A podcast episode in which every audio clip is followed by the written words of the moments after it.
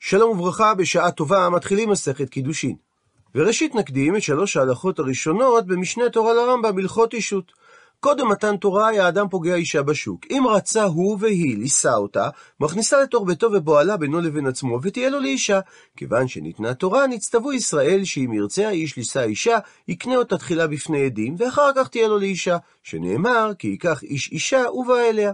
וליקוחים אלו מצוות עשה של תורה הם, ובאחד משלושה דברים אלו האישה נקנית, בכסף או בשטר או בביאה. בביאה או בשטר מהתורה, ובכסף מדברי סופרים. בסוגריים נעיר שהרבה מהראשונים חולקים פה על הרמב"ם וטוענים שגם כסף זה שיטת קניין מדאורייתא סגור סוגריים. וליקוחים אלו הן הנקראים קידושים או אירוסים בכל מקום, ואישה שנקנית באחד משלושה דברים אלו היא הנקראת מקודשת או מאורסת. וכיוון שנקנית האישה ונעשית מקודשת, אף על פי שלא נבעלה ולא נכנסה לבית בעלה, הרי אשת איש, והבעל עליה חוץ מבעלה חייב מיתת בית ואם רצה לגרש צריכה גט. ואומרת המשנה, האישה נקנית לבעלה בשלוש דרכים, ורש"י כבר מעיר שהגמרא תתעסק עם הסוגיה הלשונית, ששלוש זה לשון נקבה, וקונה את עצמה להיות ברשותה להינשא לאחר, בשתי דרכים. הוא מפרט את המשנה. האישה נקנית בשלוש דרכים, היא נקנית בכסף, בשטר ובביאה, הוא מביא רש"י את פירוש הברייתא מהדפים בהמשך, שנותן לה כסף או שווה כסף, מה שהיום נתינת הטבעת, ואומר לה, הרי את מקודשת לי. שטר זה כאשר הוא כותב לה על הנייר, אף על פי שהנייר עצמו אינו שווה פרוטה, את הנוסח הרי את מקודשת לי, וביאה זה כשבא עליה ואמר, התקדשי לי בביאה זו. ושלושת הדרכים הללו נלמדים מפסוקים. הוא מבאר את המשנה את הדרך הראשונה, שהאישה נקנית בכסף, בית שמאי אומרים שהכוונה שהיא נקנית בדינר ובשווה דינר, ובית הלל אומרים שהכוונה שהיא נקנית בפרוטה ובשווה פרוטה, וכמה היא פרוטה זה אחד משמונה באיסר האיטלקי. ואומר רש"י שפרוטה עשויה ממתכת של נחושת, והכוונה למטבע בעל ערך קטן מאוד. בעקבות זאת, במהלך ימי הביניים והעת החדשה, שימשה המילה פרוטה לציין מטבע בעל שווי קטן ששימש באותה התקופה, או לשמש ערך קטן. ואיסר האיטלקי עשוי ממתכת כסף ודמיו שמונה פרוטות. פרופסור יעקב משורר זיהה שזו המטבע הרומאי העתיקה שנקראה אס ושימשה בתקופת הרפובליקה הרומית והאימפריה הרומית. וממשיכה המשנה, וקונה האישה את עצמה, כפי שהסביר רש"י קודם, שהיא חוזרת להיות ברשות עצמה כך שהיא תוכל להינשא לאחר, בגט או לחילופין ובמיתת הבעל. היבמה לעומת זאת, שזו אישה שבעלה נפטר ללא צאצאים, ויש לו אח שיכול לייבם אותה, אז היא נקנית ליבם בביאה להיות אשתו לכל דבר, שאם בא לגרשה אחר כך אינה צריכה ממנו חליצה אלא גט, והיא שונה מאישה רגילה שנקנית לבעלה גם בכסף וגם בשטר, שהיבמה אינה נקנית בשטר וכסף להיות אשתו של היבם מן התורה, אלא שחכמים תקנו שאם היבם הסבא באמר, דהיינו, נתן לה שטר או כסף כקידושין, היא הופכת להיות אשתו מן רבנן, כך שהיא פסולה על שאר אחיו, והם לא יכולים לייבם אותה, אבל הוא עדיין לא בעלה הגמור, שהוא לא יורש אותה, ואם הוא כהן הוא לא מטמא לה, וזה גם לא מועיל לפטור אותה מן החליצה. הוא מסיים את המשנה, וקונה היבמה את עצמה מהיבם, או בחליצה, שזה טקס שהתורה מתארת, שאם היבם לא רוצה לשאת אותה לאישה, היא חולצת את נעלו מעל רגלו, יורקת בפניו, ואומרת נוסח מסוים, או לחילופין ומיתת היבם. ושואלת הגמרא, על לשון המשנה האישה נקנית, מה ישנה הכה, במה שונה הדין כאן? דתני שנקטה המשנה לשון של האישה נקנית, ומה ישנה הטעם, ובמה שונה הדין בתחילת פרק שני, דתני ששנתה המשנה לשון של האיש מקדש. מדוע לא שנתה המשנה גם אצלנו לשון של האישה מתקדשת? עונה על כך הגמרא, משום דקבאי למיתני כסף. שנקטה המשנה דווקא לשון של האישה מתקדשת, משום שהיא רצתה לומר שאחת מהשלוש דרכים בהם האישה נקנית, זה כסף, ובכסף שייך לשון קניין, כפי שמבארת הגמרא, וכסף מנהלן, ומהיכן אנחנו יודעים שכסף מועיל לקניין? גמר לומדים את הדבר בלימוד שנקרא גזרה שווה, שזה לימוד דין בדרך של השוואה בין שתי מילים דומות, כאשר גזרה שווה היא הלכה למשה מסיני ותלויים בה הרבה גופי תורה. היא שונה מהמידות האחרות שבהם התורה נדרשת בכך שאיני מבוססת על היגיון, אלא רק על דמיון מילולי. ולכן אומרת הגמרא במסכת פסחים שאין אדם דן גזירה שווה מעצמו, ומסביר רש"י במקום, אלא אם כן למדו מרבו. זאת אומרת, רק אם החכם קיבל את ההלכה מרבו, רשאי הוא לדרוש את אותה גזירה שווה, ולעשות את הפסוק אסמכתא להלכה שבידו. אך אין לחדש הלכה באמצעות גזירה שווה, ובלשון הירושלמי, אדם דן גזירה שווה לקיים תלמודו.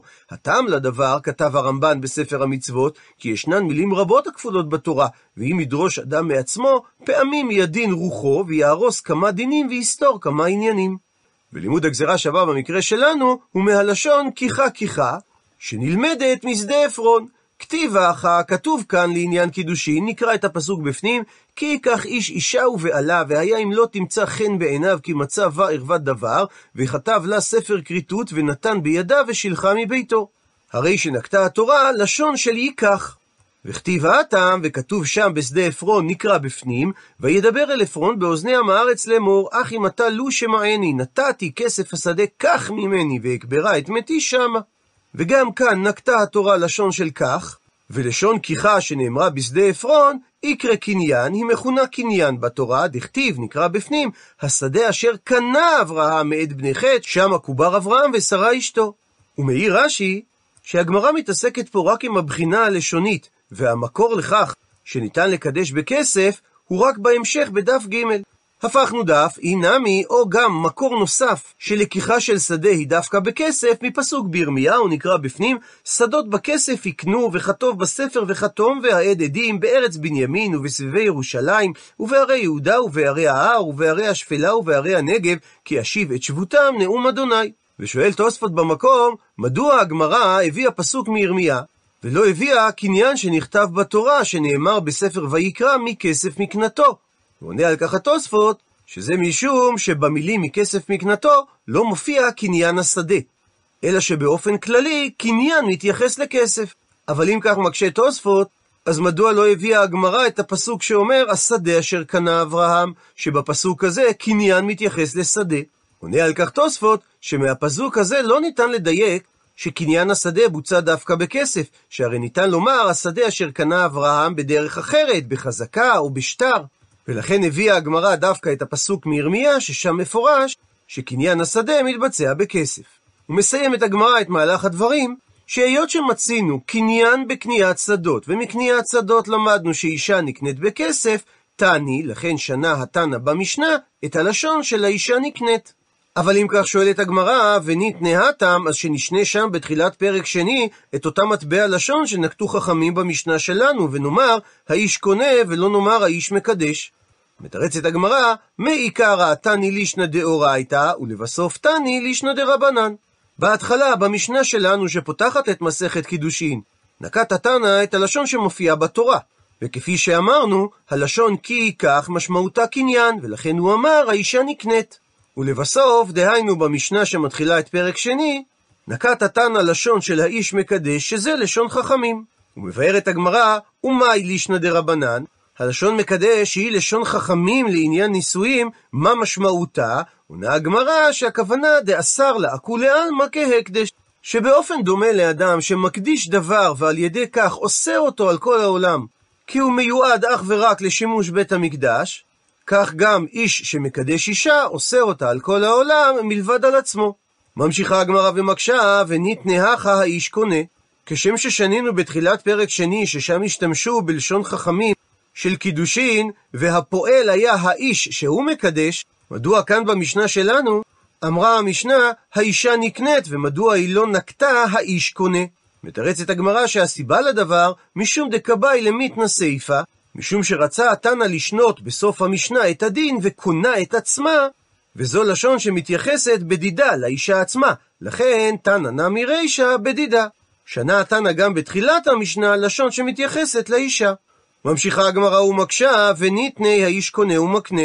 אז ניתן לומר לשון שמתייחסת לאיש גם ברישא וגם בסיפא. נאמר בהתחלה, האיש קונה בשלוש דרכים, ומקנה אותה לעצמו בסוף המשנה בשתי דרכים.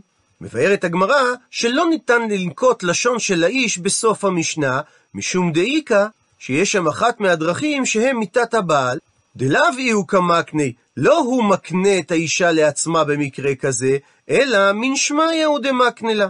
שעל ידי מיתת הבעל, מהשמיים מקנים את האישה לעצמה. ולכן בסיפא לא יכולנו לנקוט לשון של האיש מקנה את האישה לעצמה, ואגב כך שנינו גם ברישא, לא האיש קונה, אלא האישה נקנית.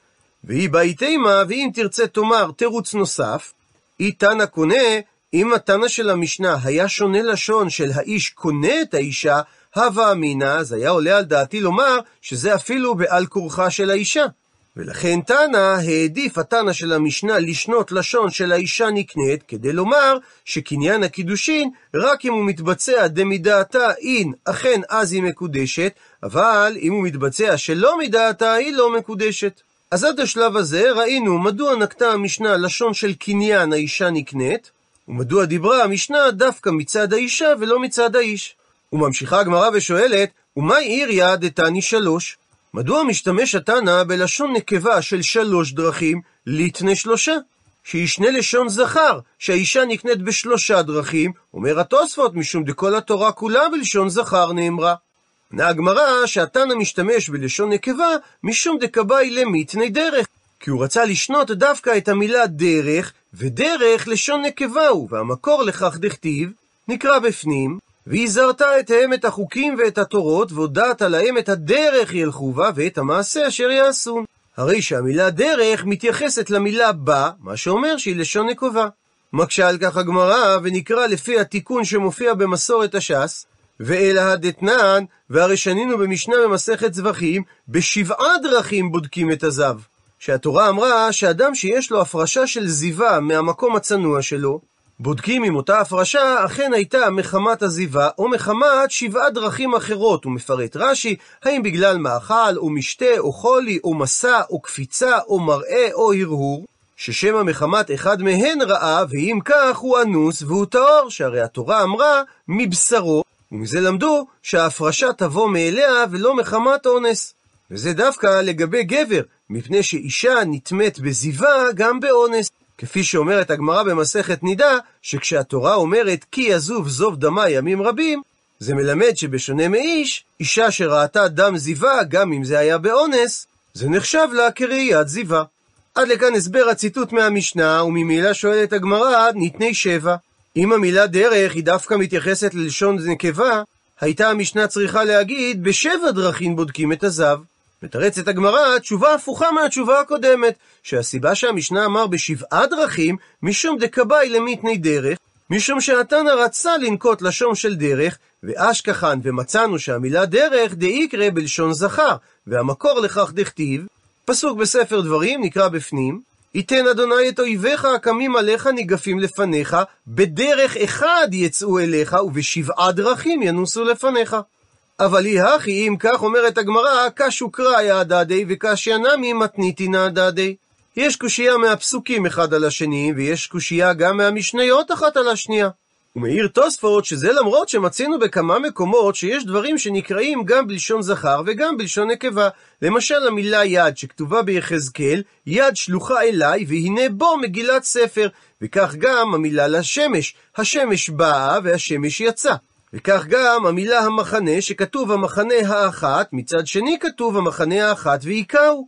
עד לכאן הדוגמאות מלשון התורה, וכך גם בלשון חכמים, שמצינו לגבי המילה נר שכבתה אין זקוק לה, ומצד שני מצינו לשון נר שכבה. וכך גם לגבי המילה חמור, שכתוב הלכה חמורך, שזה לשון נקבה, וכתוב הסוחר את החמור, שזה לשון בזכר. הוא מסביר תוספות שהגמרא עומדת על שינוי הלשון היכן שהיא יכולה להביא תירוץ לדבר. מתרצת הגמרא, קראיה הדדי, הפסוקים זה על זה לא קשיין. הכה, שכאן בפסוק, והודעת להם את הדרך ילכו בה, שהשתמשה התורה בלשון נקבה, דבתורה קאי, שהנושא אליו מתייחס בפסוק הוא התורה, ותורה היא קרי היא מכונה בלשון נקבה. דכתיב, פסוק בתהילים נקרא בפנים, תורת אדוני תמימה משיבת נפש, עדות אדוני נאמנה מחכימת פתי. לכן כתב לה בלשון נקבה. לעומת זאת, הטעם שם בפסוק, בדרך אחד יצאו אליך ובשבעת דרכים ינוסו לפניך, שנקטה התורה לשון של זכר לגבי המילה דרך, זה מפני דבמלחמה קאי, שמדובר שם על מלחמה, דדרכו של איש לעשות מלחמה, ואין דרכה של אישה לעשות מלחמה, לכן כתב לה בלשון זכר. ועל אותו עיקרון, מתניתי נעדה די לא קשיין, גם אין סתירה בין המשניות. הכה, כאן במשנה שלנו, דלגבי אישה קאי, שמדובר על הדרכים בהם האישה מתקדשת, לכן קטני לה בלשון נקבה. לעומת זאת הטעם, שם במשנה במסכת זווים, דלגבי איש קאי, שזה מתייחס לגבי דינים הנוהגים באיש, דדרכו של איש להיבדק. האם הוא ראה את הפרשת עזיבה באונס או לא, ואין דרכה של אישה להיבדק. דהה שהרי אישה נמי באונס מתמה. שאישה נטמאת בטומאת זיווה, גם היא ראתה את הפרשת הזיווה באונס. לכן תני שנה שנהתנה במשנה לשון זכר. ממשיכה הגמרא ושואלת, אז אם כך, מהי טעמה שתני ששנה תנא את הלשון נקבה של שלוש, משום שהוא רצה להשתמש בלשון דרכים, ניתני דברים וניתני שלושה? מדוע להיצמד למילה דרכים? מדוע לא ישתמש התנא בלשון שהוא רגיל, שהיא המילה דברים, וממילא הוא יכול היה לומר לשון זכר שיש שלושה דברים בהם האישה נקנית? עונה הגמרא שהתנא לקט לשון של דרכים משום דקבאי למיתני ביאה, משום שהוא רצה לומר שאחת מהדרכים שבהם האישה נקנית זה ביאה, וביאה היא קרי דרך, היא מכונה בלשון דרך. דכתיב, פסוק בספר משלי נקרא בפנים, דרך הנשר בשמיים, דרך נחש על עצור, דרך ענייה בלב ים, ודרך גבר בעלמה, כן דרך אישה מנאפת, אכלה ומחתה פיה, ואמרה לא פעלתי אבן. הרי שנקט הפסוק בהתייחס לעניין ביאה את הלשון דרך. מקשה על כך הגמרא, התנח ביאה. נוח ומובן לי שאכן ביחס לעניין ביאה השתנשה המשנה בלשון של דרך, אבל כסף ושטר, שהם שני הדרכים הנוספות בהם האישה נקנית, מה איכא למימר. לגביהם מה יש לומר, מדוע נקטה המשנה לשון דרך? מתרצת הגמרא, שגם לגביהם נקטה המשנה לשון של דרך, משום שהיא נקטה כך לגבי ביאה. מקשה על כך הגמרא, ותני תרתי אתו חדה? האם אתה רוצה לומר ששינה תנא את הלשון שמתייחסת לכסף ושטר משום הלשון שמתייחסת לגבי ביאה? הרי להפך, היה לו לילך אחר הרוב, ולנקוט לשון שמתאימה לכסף ושטר גם ביחס לביאה. מביאה על כך הגמרא שתי תשובות. תשובה ראשונה, הנח נמי צורך ביאה נינו. בסופו של דבר, גם קידושי כסף וגם קידושי שטר עניינם לממש את קשר הנישואין, דהיינו לבנות חיי משפחה. ולכן הלשון דרך שמתייחסת לביאה מתאימה גם לגבי כסף ושטר. תשובה שנייה, והיא באי תימה, ואם תרצה תאמר, המאני, משנתנו כשיטת מי היא? רבי שמעוני, דתניא, שכך שנינו בברייתא. רבי שמעון אומר, מפני מה אמרה תורה?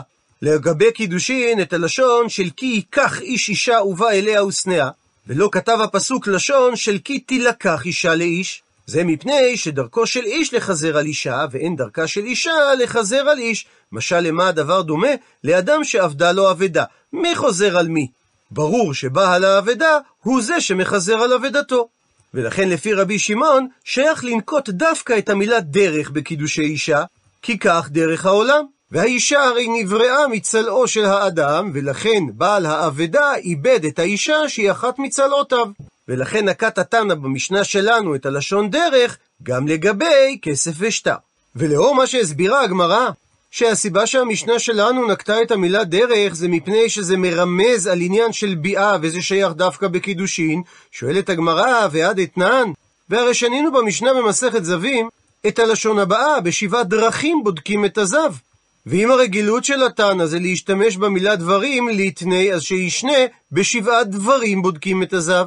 מתרצת הגמרא, הטעם שם במשנה במסכת זווים, הקמשמע לן בא תנא להשמיע לנו על ידי שהוא משתמש דווקא במילה דרכים, דדרכא דמייכלה יתרה להטוי לידי זיווה, שדרך אכילה מרובה לגרום לאדם לבוא לידי זיווה, ודרכא דמשתיה יתרה להטוי לידי זיווה. וכך גם דרך שתייה מרובה להביא את האדם לידי זיווה. עד לכאן דף ב'. למעוניינים בהרחבה, נקרא קטע קצר כפתיחה למסכת קידושין, הקטע מעובד מתוך מאמר של אבי גרינבלד ומופיע בפורטל הדף היומי. במיוחד בתקופה בה אנו חיים, קצת קשה לעכל קניין של אישה, משל הייתה קרקע או מטלטלין, או חמור מכך, כפי שגם בזה הגמרא דנה, קניין עבד כנעני. קניין לא בהכרח מבטא רכושנות. לדוגמה, שלמה המלך במשלי פרק כ' פסוק כ"ב, מזכיר את הקניין של הקדוש ברוך הוא עם התורה. השם קנני ראשית דרכו, קדם מפעלה מאז. מי הקונה שם? כיצד יתבצע הקניין? בוודאי שהכוונה כאן לחיבור ולא קניין. כך גם שמו של קין, לשון קניין, קניתי איש את השם. וכך מלכי צדק בקניין מול אברהם, וקונה שמיים וארץ. וכך גם בפרשת האזינו, הלא הוא אביך קניך, ועוד עד יעבור רמזו קנית. וכך כותב הרב דוד הכהן, המכונה הנזיר, באגרותיו. קנייני אישה, מה המילה נקנית? מה פירושה? לפי השיטה האחת, היא בעלות ואדנות עליה. האישה משועבדת ונכנסת תחת יד הבעל והשלטון בקניינם, כמו השור והחמור וכולי. אבל אין עלינו לתת מושג גס וטמא כזה לנישואים וקניינים. כפי השיטה השנייה, קנייני האישה הם אמצעים להתקשרות נפשיהם של האישה והאיש זה בזו, כמו בשאר קניינים, וכל הקניינים טהורים ועדינים מאוד. אבל לחלק ולומר כי בקידושין הקניינים פיוטיים ובשאר מקומות הם פשוטים, לא נוכל, כי קנייני קידושין נלמדים בגזרה שווה כיחה כיחה משדה עפרון, ואומנם עם הטעמים שונים נוכל לפרוח. גם אם קנייני הקידושים הם ככל הקניינים פשוטים, הרי עדיין הנישואין והתקשרות איש ואשתו שנבראת בחופה, החופה לא תיתן כל זכות על האישה, שגם למותר הוא, כי כבר השיגה בכסף או בחזקה. כי אם תברא את ההתקשרות, תייחד לבביהם, אם נחזיק בשיטת הקניינים הפיוטיים, אז הקניינים יבראו את התחלת ההתקשרות והחופה תגמרה, אם בשיטה ראשונה, הקניינים ייתנו זכות והחופה את ההתקשרות. עד לכאן דברי הרב הנזיר, זאת אומרת שמצד הקניין אין אפשרות לעשות חלוקה בין קידושי אישה לשאר הקניינים הממוניים, למרות שהתחושה שקניין אישה בהכרח אינו זהה לקניין ממוני רגיל. ייתכן וניתן להבין את הדברים לאור דברי רב שריר הגאון באיגרתו, וכך הוא כותב, וכמה סברות קבעו בגמרא הם, וחכמים שאחריהם גם כן, כגון רב עינה ורב סימונה, ומקובלים אנו מן הראשונים, שגמרא של תחילת פרק האישה נקנית עד המילים בכסף מנן, הנימילי רבנן סבוראי בתראי סדרוה וקבעוה, וזולתה גם כן. זאת אומרת, על פי דברי רב שריר הגאון, סוגיית הפתיחה של המסכת שלנו, הנמשכת עד לדף ג', לא נכתבה על ידי האמוראים, אלא נאמרה על ידי רבנן סבוראי. לאחר תקופת התנאים והאמוראים שהסתיימה בערך במאה החמישית לספירת הנוצרים, החלה תקופה של רבנן סבוראים, דהיינו המסבירים, עד לתקופת הגאונים בערך במאה השביעית לספירת הנוצרים. הסימנים שכך הם פני הדברים, אחד, אין אזכור של שמות הדוברים, האזכור הראשון מופיע רק בסוף דף ג', שתיים, ההקפדה על הדקדוק ולשון מדויקת, כאשר במקומות רבים בש"ס יש תיקוני גרסאות ושינויי לשון כדי לתרץ קושיות וכדומה, ולא נראה שהייתה הקפדה קיצונית על לשון מדויקת. ייתכן והסיבה שהסבוראים בחרו להתחיל את מסכת קידושין בסוגיית הפתיחה הלשונית והדיונים בנוסחי הלשון, היא דווקא כדי לתת לנו הבדלה ברורה בין קניין האישה בנישואין לבין שאר הקניינים הממוניים. היכן נמצא הקונה במשנה הראשונה? הוא הרי כה דומיננטי בתהליך, וזה בדיוק מה ששואלים רבנן סבוראי בתחילת הסוגיה, ובתחילת שרק שני הוא אכן מופיע, שם כתוב האיש מקדש, אז מדוע אצלנו האיש אינו רלוונטי, אלא נקטה המשנה הלשון של האישה נקנית? אלא נראה שרבנן סבוראי רצו לגרום לנו צורת חשיבה, שאין העיקר כאן רכושנות. חייבים לחוש ולתת את חשיבות הצד הנקנה, כדברי הנביא הושע, והיה ביום ההוא נאום השם, תקראי אישי, ולא תקראי לי עוד בעלי. כי בעלות היא מושג של כוחנות, ואת זה רצו רבנן סבוראי למנוע מאיתנו בעצם הדיון. לכן העלימו במשנה את הבעל. וכן בהמשך הדיון בגמרא, האם דרך היא זכר ונקבה? זה אמנם נראה כדיון קטנוני, ולא ברור מדוע בכלל נכנסים לדקויות שכאלו, אבל כנראה גם כאן מכוונים אותנו רבנן סבוראי להבין את ההשוואה שבין האישה לבין התורה. הקדוש ברוך הוא נתן לנו את התורה בבחינת חמדה גנוזה, הוא נתן לנו אותה מתוך אהבתו אלינו, ובכך רצה לזכותנו. כך גם הקשר בין האיש הקונה לאישה הנקנית ומתחברת לבעלה, בקניין ובחיבור אמיתי ורגשי, מעבר לקשר הקנייני. היוצא מדברים אלו, שרבנן סבוראי אינם מתכוונים לדקדוקים ברמה בסיסית, אלא על ידי כך הם חוזרים כאן אל ניגון המשנה, כפי שהתכוון רבי יהודה הנשיא, שניסח את הדברים מתוך ראייתו הקדושה.